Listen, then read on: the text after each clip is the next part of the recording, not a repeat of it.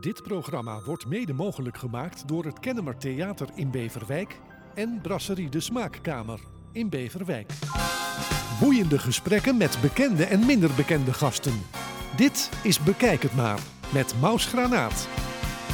Welkom lieve mensen bij weer een nieuwe podcast van Bekijk het maar. Vandaag ontvangen wij een man afkomstig uit het heerlijkste, vriendelijkste, meest gastvrije eiland Curaçao. Muziek is hem met de paplepel ingegoten. Zijn vader speelde in een band, hij zong een nummer met Treintje Oosterhuis, deed mee aan The Voice of Holland, zong met de Britse popster Eliza Doolittle. Hij stond in het voorprogramma van Alain Clark. Wekelijks maakt hij zijn opwachting in de Sven Hammond Band Big Band in het uh, programma Matthijs rijdt door. Als je zijn stem hoort, dan hoor je de 70s en de 80s van soul, funk en R&B. Mag ik u voorstellen aan Jared Grant? Yes. Klopt het een beetje zo? Ja, ja, ja. Nou ja, uh, geboren inderdaad op Curaçao. Ja. Mijn ouders zijn beide Surinaams. Dus Oké. dat is wel, uh, wel grappig. Ja, oké. ja. Maar uh, Ja. het is wel het vriendelijkste eiland, gastvrij eiland. En een zonnig eiland met een heerlijke passaatwind die de hitte je doet verkoelen op het Ja, lijf. ik ga heel graag terug, vooral nu. Hoezo? Zou ik dan Nou, kunnen ja. vragen. nou, het is, het is waar. Ik ben er zes keer geweest en eh, ik zou nog wel zes keer willen ook. Maar Ja, Curaçao is heel duur geworden ja alles. voor toeristen. Ja, ja, Ja, nou, waar niet. nou, Eh Jared, ik ben blij dat je er bent. Ehm, het heerlijke eiland Curaçao, kun je iets vertellen over je jeugd daar? Ook al zijn je ouders van, hoe- van. Suriname naar Curaçao ja, gekomen. Ja. Nee, dat is mijn, eh, mijn ouders woonden toen de tijd op Curaçao. Dus ik ben daar wel geboren. Tot, eh, tot mijn vijfde heb ik daar gewoond. En toen zijn we naar Nederland verhuisd. Maar eigenlijk kan ik me niet zo heel veel meer herinneren van die vijf jaar op Curaçao. Nee, nee. Alleen Dus- maar dat het lekker warm was. En dat het hier, toen ik hier aankwam, echt kapot koud was. en voor de rest, eh, ja. En jullie, vooral, eh, je, je bent met je ouders direct richting Dordrecht, Rotterdam ja, gegaan? Ja, eigenlijk zijn we verhuisd naar, gelijk naar Dordrecht. We hebben Voor mij een maandje of zo. Of een tijdje bij mijn oma zijn we gebleven. Tot mijn pa nog met het huis bezig was. En daarna, eigenlijk sindsdien hebben we daar gewoond. En, Dus jouw eh, oma woonde al in Nederland. Ja, ja. En eh, was dat voor jullie de reden om eh, ook naar Nederland te komen? Dat oma hier was? Of... Nee. Wat was voor ehm, jullie- Mijn moeder die, die woonde al op Curaçao een hele tijd. En mijn pa die probeerde daar ook naartoe te gaan en te wonen. Maar hij kon daar niet echt ehm, eh, ja, zijn draai vinden eigenlijk. Dus eh, na een aantal jaren is hij terug verhuisd naar Nederland. En zijn wij eigenlijk met z'n allen daarna ook hier naartoe gekomen. Oké. Ja. Dus je bent hier in Nederland ook naar school gegaan? Ja. Ja, en Ja. Wat, wat, wat voor school heb je gedaan na het basisonderwijs? Eh, ik ben eerst eh, naar de MAVO gegaan. Ehm, dat is echt de basisschool vond ik niet zo heel tof, heel leuk, zeg maar. Dus dat is vooral ook, en waarom niet? Ehm, nou ja, ik had niet heel veel vrienden op school, laat me het zo zeggen. Eh pesterijen en dat soort dingen waar ik niet eh, blij mee was. Beste, waarom? Ehm, ja, ook, ook vanwege huiskleur en dat soort dingen ook. Zeg maar, regelmatig uitgejouwd als, als aap en dat soort dingetjes. Oh, echt waar? Ja, en het was Toen een, eh, al? het was toen, nog? Ja, toen nog. En, Ja. Dus dat was eh, niet zo leuk. Eh, een beetje onzeker ook daardoor. Ja. Eh, daarom hebben we op een gegeven moment de MAVO een school gevonden. En dat is een wat kleinere school. Dat heeft me heel veel goeds gedaan, omdat het ook op muziek gericht was. Of tenminste, in je vrije tijd kon je veel muziek daar maken. En daar ben ik eigenlijk gaan bloeien, laat het zo zeggen. En heb ik eigenlijk de muziek... Daar heb je de basis gelegd voor datgene wat je nu doet. Ja, nou, eigenlijk daarvoor al op de basisschool, maar het was niet zo dat ik populair was of zo. Of dat ik in de klas dan kon gaan zingen of dingen kon gaan doen dat mensen zouden van, oh, leuk. En ik had die zekerheid nog niet om dat überhaupt te gaan doen, want ik vertrouwde die mensen niet. En ik dacht, Nee. ja, dat zou wel. Uh, en op de middelbare school is dat dus eigenlijk veranderd. En heb ik ook door middel, uh, door de docent die ik toen de tijd had, uh, muziekdocent, ja, super gave docent. Helaas is hij er niet meer. Oké. Um, maar die heeft eigenlijk al uh, een grote basis gelegd voor wat ik daarna ben gaan doen. Die heeft je een beetje gestimuleerd en een Ja. beetje onder de arm meegenomen Ja. van... eh, Ja. Oh, dat is wel mooi. Fijn dat je iemand hebt die dat, die dat dan doet. En wat naar dat je op de basisschool dan eh, ja, met, toch met racisme te maken hebt eigenlijk. Ja, Ondervind je dat nu nog wel eens of vind je dat Nederland vooruit is gegaan met de acceptatie van, eh, Jezus, moet, moet je zeggen van zwarte mensen, van de gekleurde medemens, van wat Ja. moet je zeggen? Lastig, ja, nee, het is er nog steeds. Ja, ja. wat naar is dat. Ja.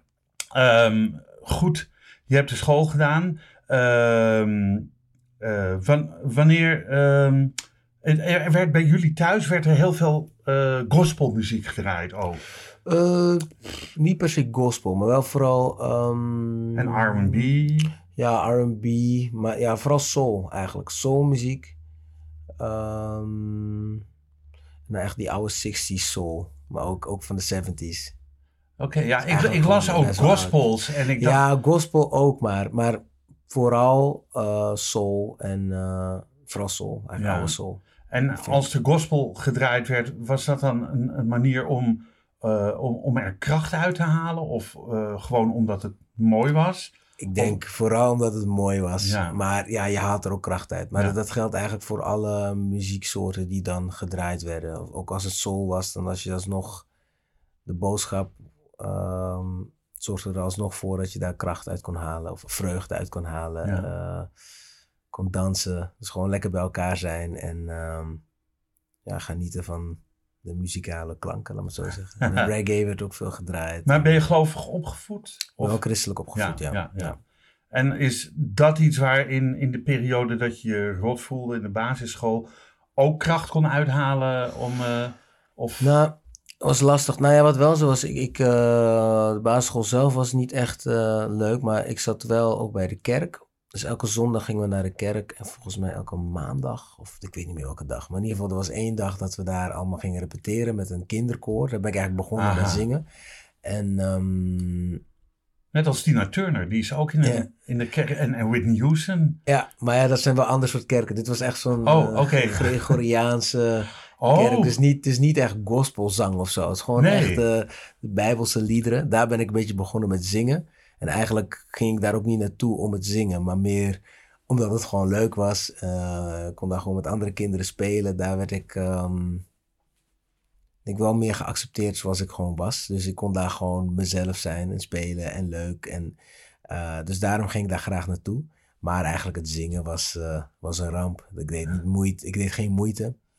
En zat een beetje te brommen eigenlijk ergens achter. Ja, dat heb ik gelezen. ja, Dat, ja, of je oma of je moeder zei dat je Nee, een, moeder. een ja. bromstem had. En mijn moeder zegt van, oh god, haal die jongen daar weg. Ik, ze schaamde zich dood. En mijn pa die zei van, oh joh, laat die jongen, laat hem. En voor mij heeft een paar jaar geduurd. En toen dacht ik ineens van, weet je, laat ik moeite doen. Laat ik even kijken. Of, en toen had ik wel eh, muzikaal gehoor. Wat was, wat was die omschakeling dat je dacht van, oh, laat ik maar moeite doen? Ik weet het niet eigenlijk. Ik weet niet wanneer ik dacht van, nou, laat ik... eh, nou, ik weet wel dat mijn, mijn zusje, ehm, die was wel gelijk dat ze daar zat. Gewoon mooi meezingen, mooie stem, deed altijd mee. En ik, eh, ja, ik denk dat ik ehm, gewoon tijd nodig had om ehm, gewoon een leuke tijd daar te hebben, laat me het zo zeggen. En dan op een gegeven moment als je dan zeker voelt en denkt van, oh, hier, Dan durf je je wat meer te je wat meer te geven. En denk Ja. van oké, laat ik. Ik denk dat vooral dat het was. Dus het heeft ook een tijdje geduurd voordat ik dacht van nou, nu ga ik wel moeite doen. Ah, oké. Ook met die, eh, wat ook van die, met kerst heb je altijd ehm, van die toneelstukken toch? Die eh, van voor de Ja, van, van, of- eh, ja. van ja. Ja, ja. nou, dat was ook, ik had altijd de kleinste rollen. Gewoon dat ik één zin moest zeggen en dat was al een ramp. Met één zin uit mijn hoofd leren en te moeten performen voor mensen daar. Dat was, ik weet nog dat mijn pa dan gewoon eh de hele middag gezeten. Om Nou, als je één regel had, dan weet je die ene regel vast nog wel. Wat was die regel? Nee, ik weet het niet eens. Oh, je weet het ik niet? weet het niet eens. Dus het was echt...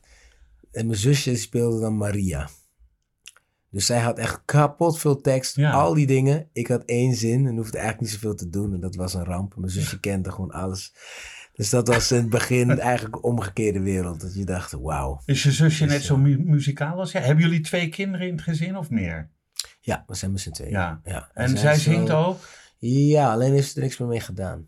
Ehm, wat dat betreft was het dan wel, op een gegeven moment zijn de rollen omgedraaid. Dus ik had dan mijn stem gevonden en dacht van oké, ja, tof, dit wil ik doen. Ik ga voor muziek eh, veel doen. En mijn zusje was vooral bezig met dans. Ze kon ook zingen, maar was vooral Ja. met dans bezig. En haar droom was denk ik, ja, was eigenlijk om, om danseres te worden en dat te doen. Is dat gebeurd ook? Nee. Nee. nee. Nee. En, eh, mijn moeder die komt uit een eh, heel ander soort gezin dan mijn pa. Bij mijn pa was het heel erg, eh, de muziek was altijd heel belangrijk. werd, werd ja, veel muziek gedraaid. Eh, Jouw vader speelde ook in een mijn vader band. speelde ook drums in de familieband eigenlijk. Dus de Ja. band bestond uit ooms, tantes, neven en nichten.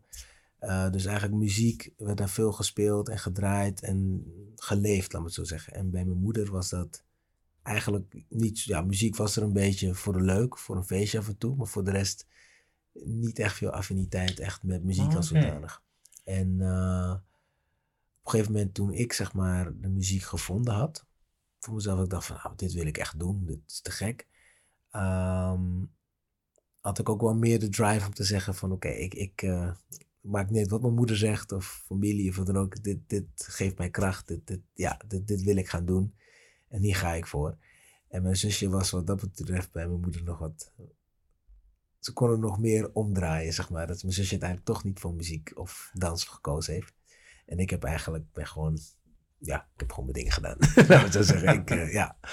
Oké, je, hebt, heel veel gedaan hoor, daar kom ik zo nog op, eh, op terug. Eh, maar eigenlijk is jouw eerste optreden een optreden geweest in dat kinderkoor voor het publiek. Ja. Weet je nog wat je zong? Ik zou bij God niet weten. Nee? Nee, nee, nee. Ja, het waren ker- kerkliederen. Maar ik zong dan niet alleen. Je zingt dan met de hele, met de hele groep. Dus ik heb dan geen solo, maar je, je, ja, je zit... En op een gegeven moment kreeg ik wel wat solo's ook. Maar, Kijk. En wat was je eerste solo? Oh man, ik, ik, ik zou het echt niet weten. Zo Nee? geleden, ik zou het echt niet weten. Oh, ja, maar je hebt nog, nog heel veel gez- gezongen daarna. toevallig hier iets toe, wat, wat ik heb opgeschreven?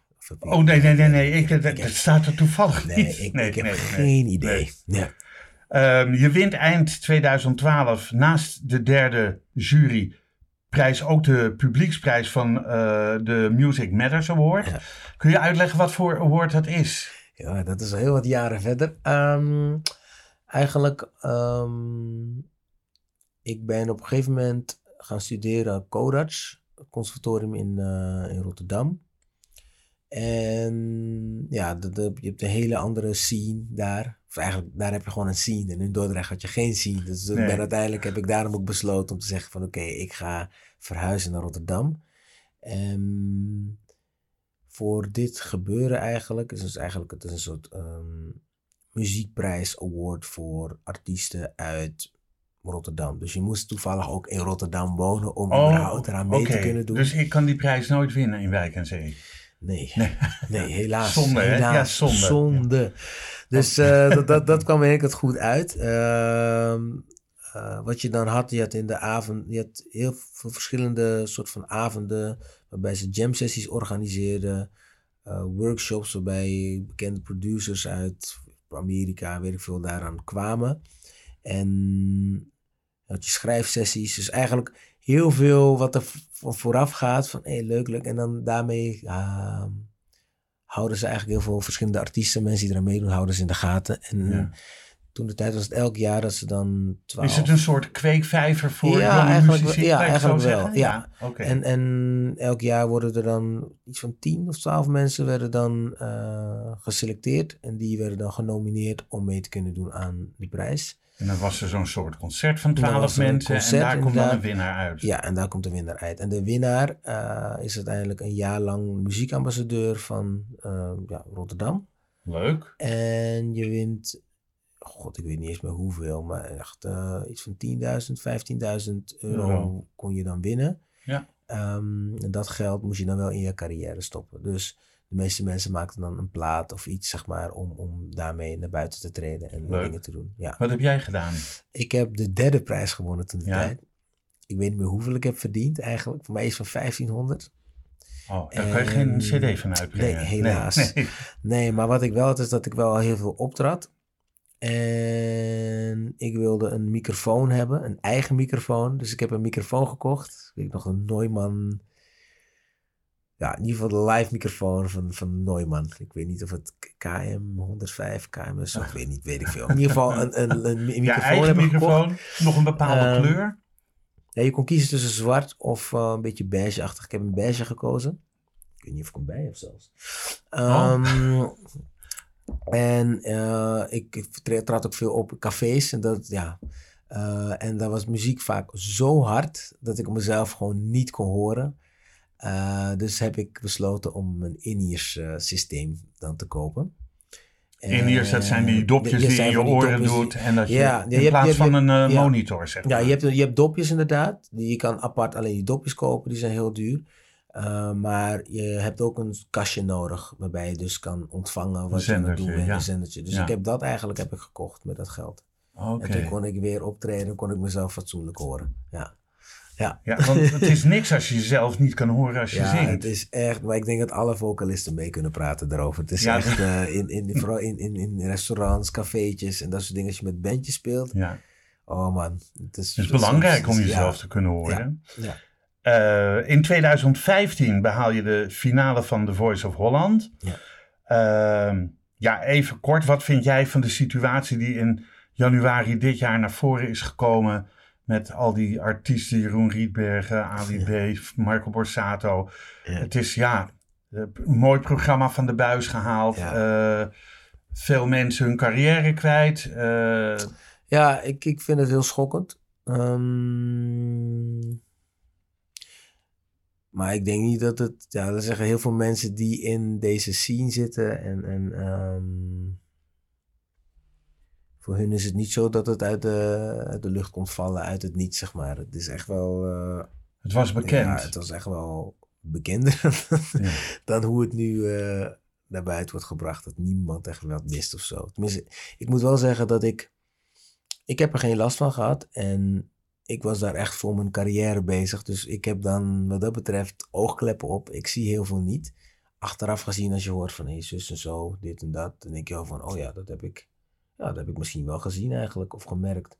Maar ik was er gewoon niet mee bezig. Nee. Ja, ja ik was er niet mee bezig. Goed voor jou. Ja, Ja, ja, toch? Ja. Ehm, maar wel jammer dat dat, dat zo... eh, ik bedoel, Marco Borsato Nou ja. wordt niet eens meer gedraaid op de Ja. radio. Ali B ook niet meer. Eh, klopt. Jeroen Rietbergen zijn- zijn zijn huwelijk naar eh, de maan. Maar ook Linda de Mol, zijn vrouw, eh, die, die eh, ruim een half jaar niet eh, op tv is geweest. ja. Het is, ja, ik bedoel, je haalt er zoveel... eh, Nou ja, dat is wel heftig. Maar wat ik het ergste vind stiekem... eh, is voor die artiesten die bij The Voice toen de tijd ook hebben meegedaan en gedaan. ehm, de slachtoffers. En ook misschien mensen die geen slachtoffer zijn. Want ehm, alle mensen die met The Voice hebben meegedaan al die jaren. Al die filmpjes, alle...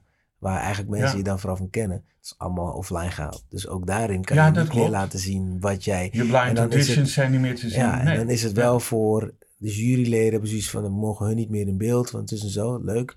Maar het gaat niet om die juryleden, het gaat om die kandidaten. Dus ik vind het dan wel echt eh, zonde en toch wel ook weer dubbel verkeerd dat eigenlijk de kandidaten dubbel gedupeerd worden, omdat hun filmpjes en hun Het was een promotie, ja, ja, ja, inderdaad. gewoon van, de, van, de, van alle platformen Van jou is er nog wel wat te zien van The Voice. Dat zag ik op een site waar in een filmpje van The Voice staat. Oh, ik heb geen idee. Nee? Ik, heb, ik heb het eh, niet eens meer gezien. En daar, want volgens mij eh, zat jij in de finale met Maan. Nee, ik zat nee? in de halve finale trouwens. De, de halve finale. De halve finale. ja, ja. En was het waar de, het seizoen waar Maan won? ja. ja. ja. Oké, en jullie zaten beide in Team Borsato? Ja. ja. Goed. Laat The Voice, The Voice. ik bedoel, de enige. Voice zit tegenover me nu. Eh, het is gewoon jammer dat het zo heeft moeten lopen. Mhm. Eh, na vele solo-optredens en als gast bij, bij bands en artiesten heb je in september 2017 je eigen album gelanceerd, Back to My Roots. Kun je daarover iets vertellen? Want er is toch een album gekomen. Zo, ja, dat Ja. is... Nou, hebben, hebben, we, hebben we de tijd? Ja, we Dat hebben is, de eh, tijd. Ja, ja, ja, we hebben de tijd. Nee, ik ehm, wilde al veel eerder een plaat of dingen uitbrengen. Maar dat eh, ja, was er eigenlijk niet van gekomen. Ik zat op een gegeven moment bij een, eh, mijn label, platenmaatschappij. Ik ga geen namen noemen, want dan... eh, Hoeft niet. maar in ieder geval, Hoeft niet. eh, daar zat ik dan en het plan was om naar The Voice, ehm, om daaraan mee te doen, in ieder geval voor bekendheid, voor bij het grote publiek. En daarna Ja. gelijk met een plaat, met een single, met dingen te komen. Ehm, nou, dat is dus niet gebeurd. Ik, ze waren goede vriendjes ook met ehm, de platenmaatschappij dat achter de mensen van eh The Voice zit. Eigenlijk op de E-bal, zo groot. Ja. Ja, nou, zij waren ook goed bevriend met hun. En het contract dat ik moest tekenen was eigenlijk een burgcontract. Ik heb een advocaat erop gezet en ik wilde dat niet tekenen. Ehm, dus En, en wat hield dat wurgcontract in? Wat, wat, eh, wat wurgden ze in je? Alles. Oh, dus je, zij bepaalde de koers qua muziek, welke kant je op gaat. Zij bepaalde je optredens. eh, de optredens, het, het geld dat binnenkwam, zeg Oh, maar. ja, dat ja, ja. eh, kwam in een soort pot. En uit de pot werd iedereen betaald. Maar het was totaal onduidelijk wat dan de kosten zijn van een manager of van een plaat of van dit. Dat moest nog nader bepaald worden, maar daar konden ze niet een indicatie of iets bij geven. Dus met andere woorden, je tekent. Het kan eenzijdig kan het ehm, opgezegd worden. opgezegd worden, alleen door hun. Eh, zij bepalen je hele carrière, alles zeg maar. Dus als zij zeggen van, oh, ik heb geen zin om hier moeite in te stoppen, dan kan je nergens naartoe. Dan kan je het ook niet opzeggen. Ehm, Ja, maar wie tekent nou zo'n contract? Toch nog ja, wel een hoop je, mensen? Als je heel jong bent Ja, en je niet zo goed weet hoe of wat, ja, dan, dan, eh, dan, dan begrijp ik wel dat je dat tekent en misschien verderop kan komen. Maar ik heb voor mezelf al een visie van, oké, ik wil deze muziek maken, dit wil ik gaan doen. En dan is het, ben je eigenlijk al te ver om te zeggen van, oh, ik, dit, ik teken dit en ja, kijk maar wat jullie doen. Want het is, en ik heb een eh, jurist toen ingeschakeld die voor mij heeft gekeken. Als ik dat niet had gedaan, had ik ook niet geweten precies wat, wat die contracten zijn zodanig opgesteld dat je eigenlijk maar heel maar, maar moeilijk, wa- eh, wat gebeurde dan? met, Toen je daar kwam om te tekenen, zei je toen van oké, ik neem het even mee naar huis ik, om het ja, allemaal door te leggen. Dat moeten Dat ze moeten doen. ze je doen, Moet, hè? je moet in ieder geval de tijd krijgen om het door te kunnen nemen. Ja. Maar als je het zelf doorneemt, dan eh, begrijp je nog steeds niks van die taal die erop Het is staat. geen Jip en Janneke taal. Nee, dus, het is, ik heb eh, een jurist erop gezet, die heeft het gecheckt. En eh, ja, ik weet nog zijn woorden. Ze van, hij zei van, nou, als, je dit, eh, als je dit ziet voor je, jongen, ren hard weg. Dat waren zijn bewoordingen. En uiteindelijk heb ik gezegd van, oké, eh, ik wil dan nog wel onderhandelen. Om te kijken of we in ieder geval iets ervan kunnen maken. Dat, dat we er beide er maar beter van worden. Ehm, nou, dat- die onderhandelingen hebben een half jaar geduurd. En na een half jaar eh, was ik nog steeds niet veel wijzer van wat ik nou verdiende. Of wat een manager verdiende. Of wat die verdiende. Het is gewoon super onduidelijk. Dus toen heb ik gezegd van jongens, het duurt nog zo lang. Eh, ik ga dit contract niet tekenen. Ja. Eh, en dat label waar ik dus eigenlijk bij zat, die dus vriendjes waren met dat grote label, die eh, vonden me toen ineens ook heel moeilijk. En eh, we hadden wel een single al opgenomen die we dan uit konden brengen. Best wel veel tijd in gestopt. Was niet helemaal blij mee, maar het was een commercieel ding wat ik dacht, nou weet je, die is me nu nog bekend, laten we zo zeggen. Als we het nu uitbrengen, dan kan het nog wat, wat doen.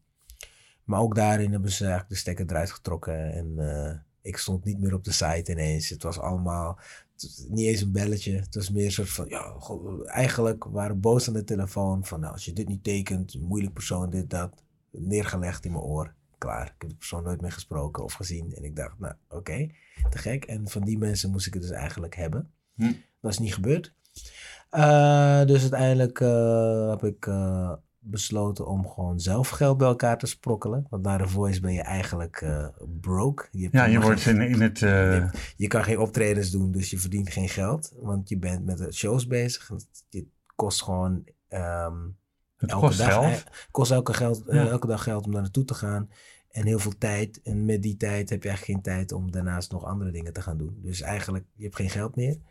Ehm, Maar Nederland wist wel wie je was na de Voice. ja, maar ja, om een plaat te maken kost kapot veel geld. Ja. Dus ik denk, ik doe een crowdfunding. En dat gaat het ook niet zo snel. Tenminste, je hebt dan ook tijd nodig om het geld bij elkaar te sprokkelen. Of een campagne te voeren.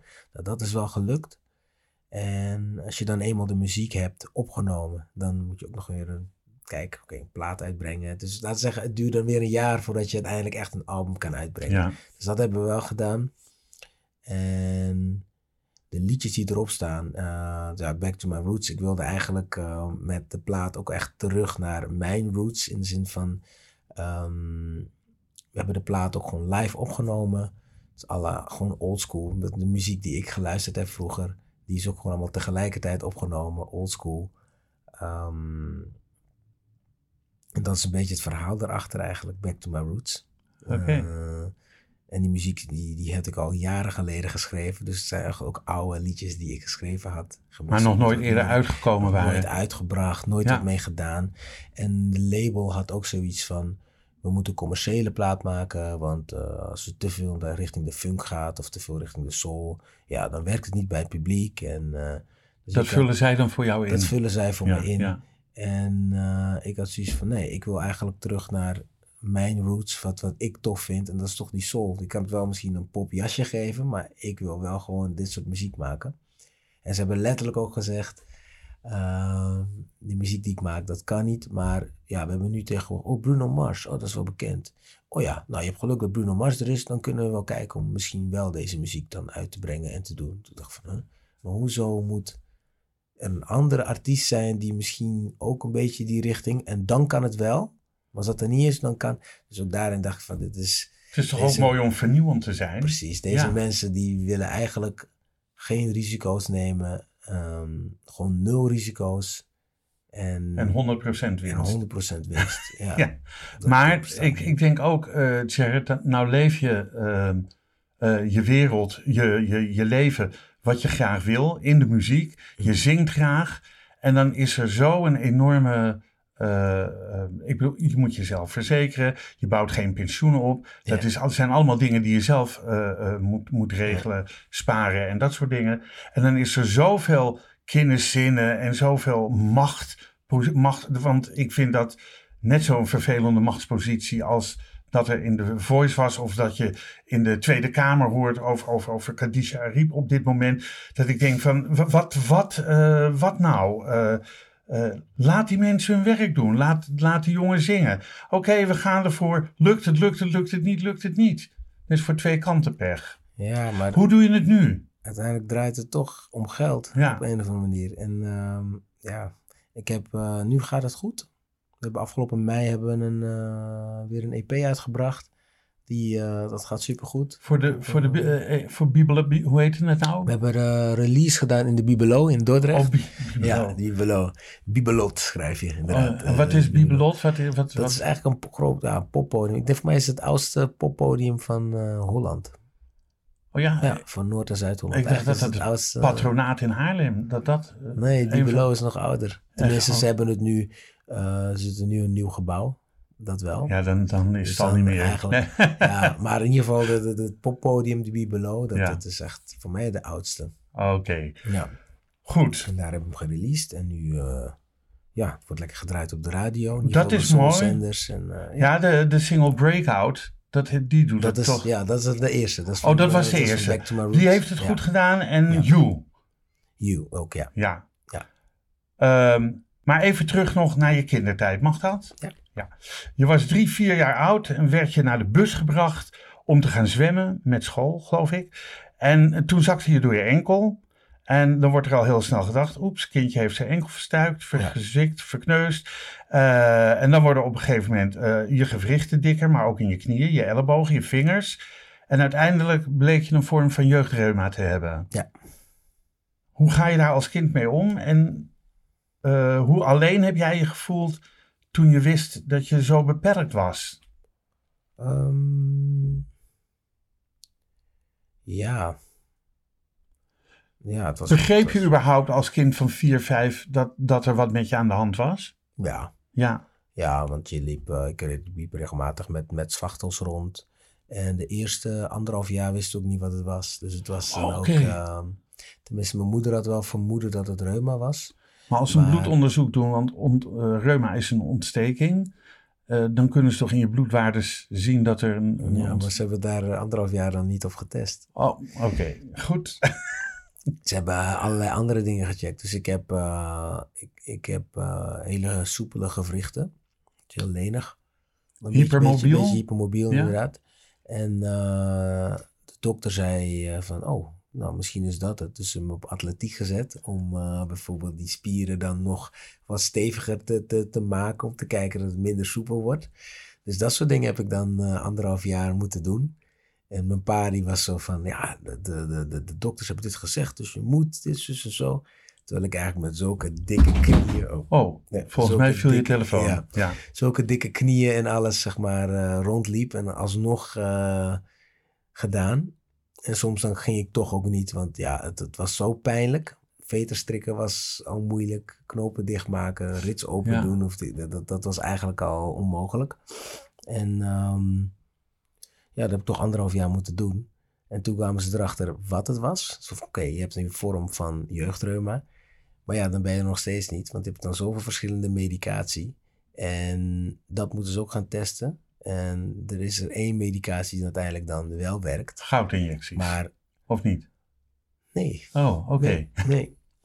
Nee, maar ja, ze moeten testen, meerdere medicijnen. En uiteindelijk is er eentje die dan eh matcht. Maar dat, dat weet je maar. nooit. Dat Ja, weet je nooit. Dus je begint en dan denk je van, ja, ik merk niet veel verschil. Er gebeurt... Dus ook daar ben je weer een jaar verder. Ja. Ehm, ja, dat was wel, wel lastig.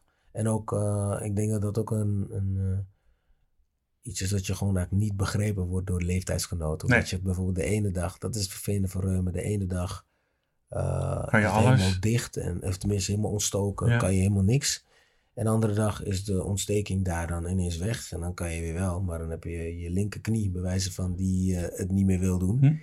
Dus het was iedere keer weer een ander gewricht, of een ander iets. En soms gewoon meerdere tegelijk, waarbij je eigenlijk... eh, Heeft het je eh, leven beperkt eh, op een bepaalde manier? Hè? Ja, het heeft me toen wel beperkt. Alleen toen als kind ben je er overheen gegroeid. Dat zeiden ze van wel. Alleen nu ben ik dan weer met onderzoek en dingen bezig. En eigenlijk, eh, ik heb altijd wel last gehouden. Het is niet zo dat het ehm, zo heftig is als toen.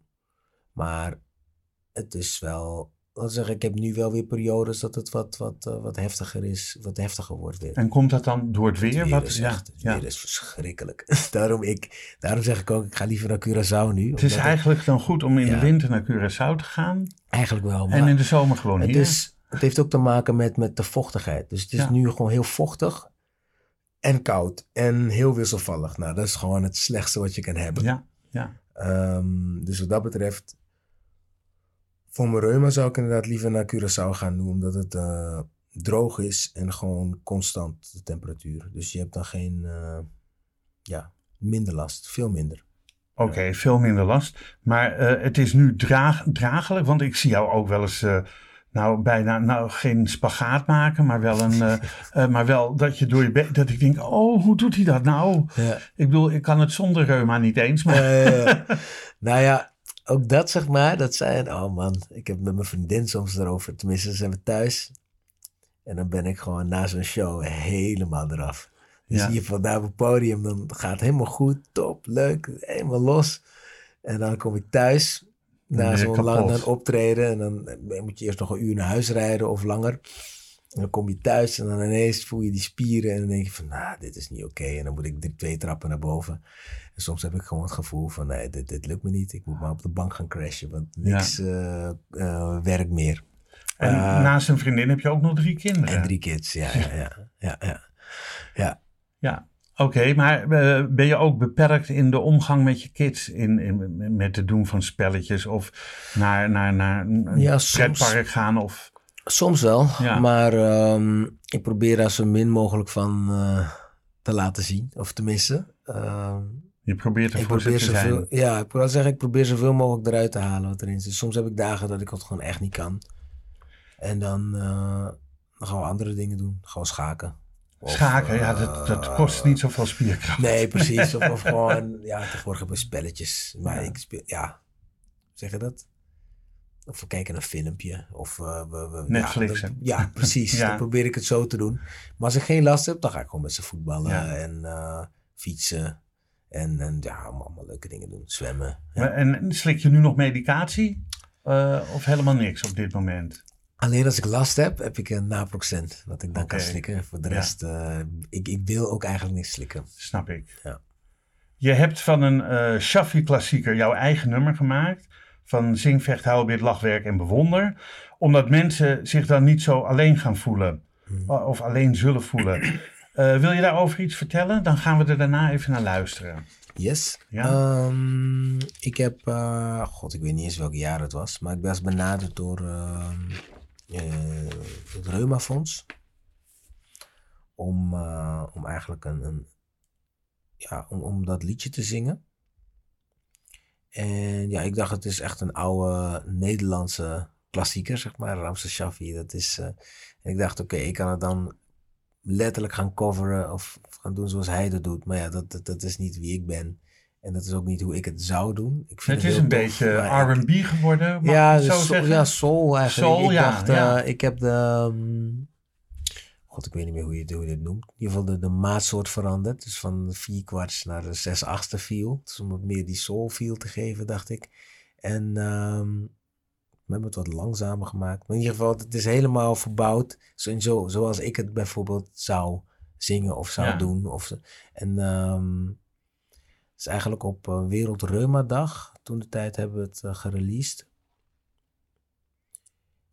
Ja, en dan, ja, dat is het een beetje. Dat, dat is in ieder geval voor, voor uh, Nou, ik de- denk- alle mensen van Reuma inderdaad. Ja. Die, die, die kunnen daarin dus uh, steun vinden. Ja. In ieder geval denk ik dat Ramses Shaffi met een vette knipoog naar beneden kijkt en denkt, Jared, goed gedaan. Thanks, ja. Eh, we gaan er even naar luisteren. Voor degene in zijn schuilhoek achter glas.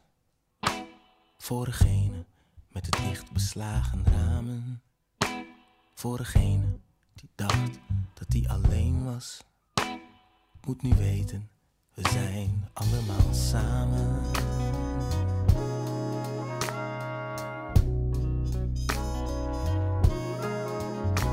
Voor degene met het dichtgeslagen boek. En voor degene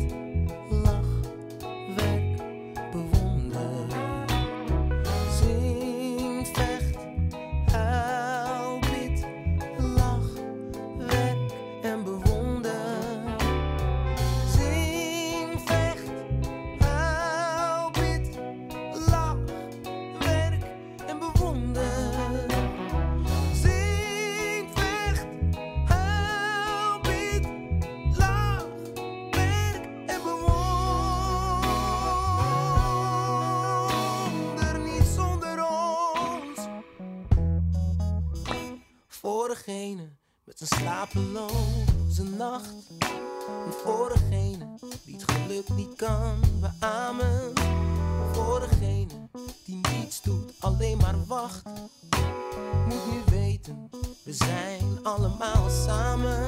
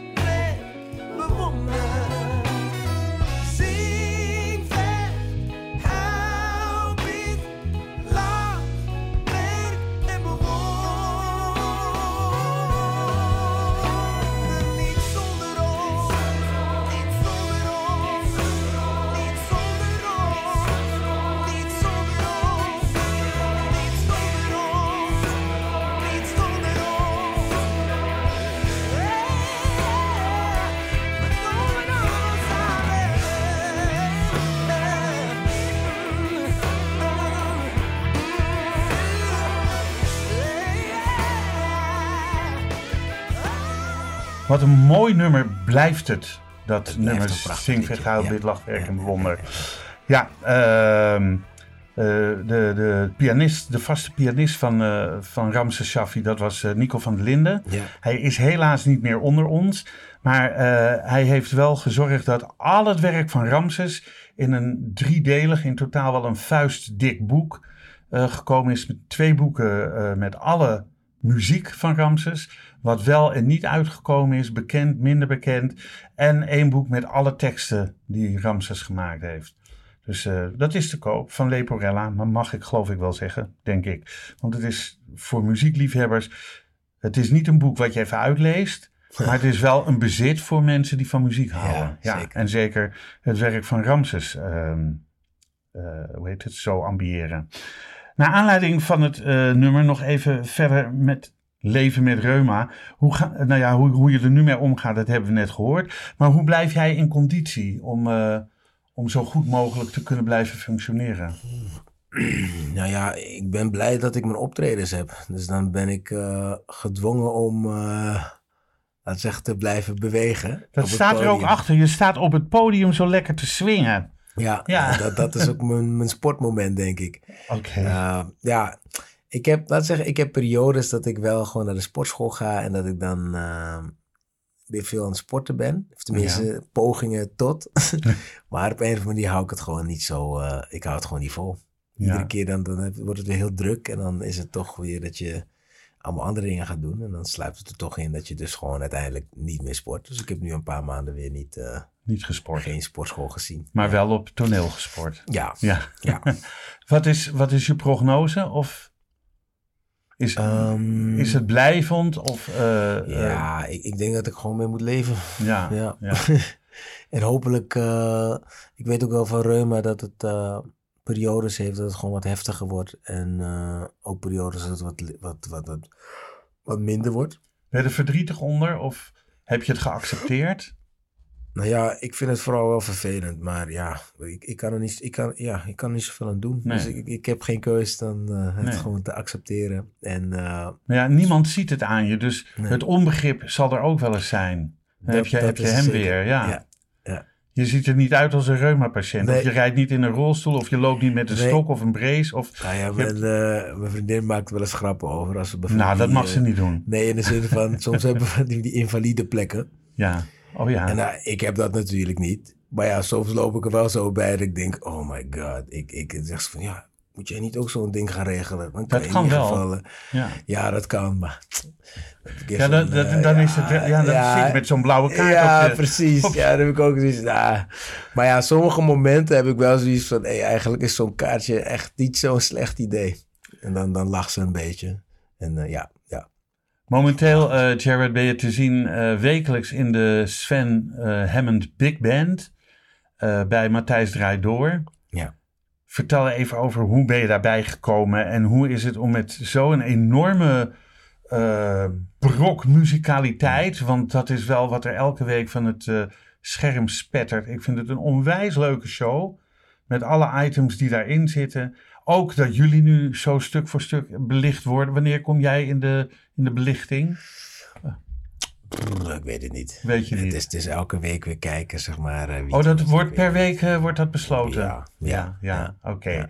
Eh, want de drumster is, er is nu, Tessa. Tessa, die is erin geweest. En de saxofonist van de week. Lucas, Lucas, Lucas. inderdaad. En Chelsea, de, week ervoor. Ja, ja. ja. Het is wel ontzettend leuk. Leuk ook, want wat ik wel vind altijd is dat backing vocals en muzikanten altijd onderbelicht worden. Want het gaat meestal over de uitvoerende artiest. En eh, ja, de muzici, ja, die toch potverdorie voor 80% o- ook heel belangrijk zijn. Ja, Want eh, de muzici kunnen niet zonder eh, leading zanger of zangeres. En zij kunnen niet zonder de muzici. ja. Jullie zijn allemaal nodig om dat product te leveren wat er elke week op tv is. Ja. Ja, je zegt alleen maar ja, maar dat is... Ja, we, ja, Ja. we zijn eh, erg belangrijk. Ja, nou, dat vind ik Ja. juist Ja. precies.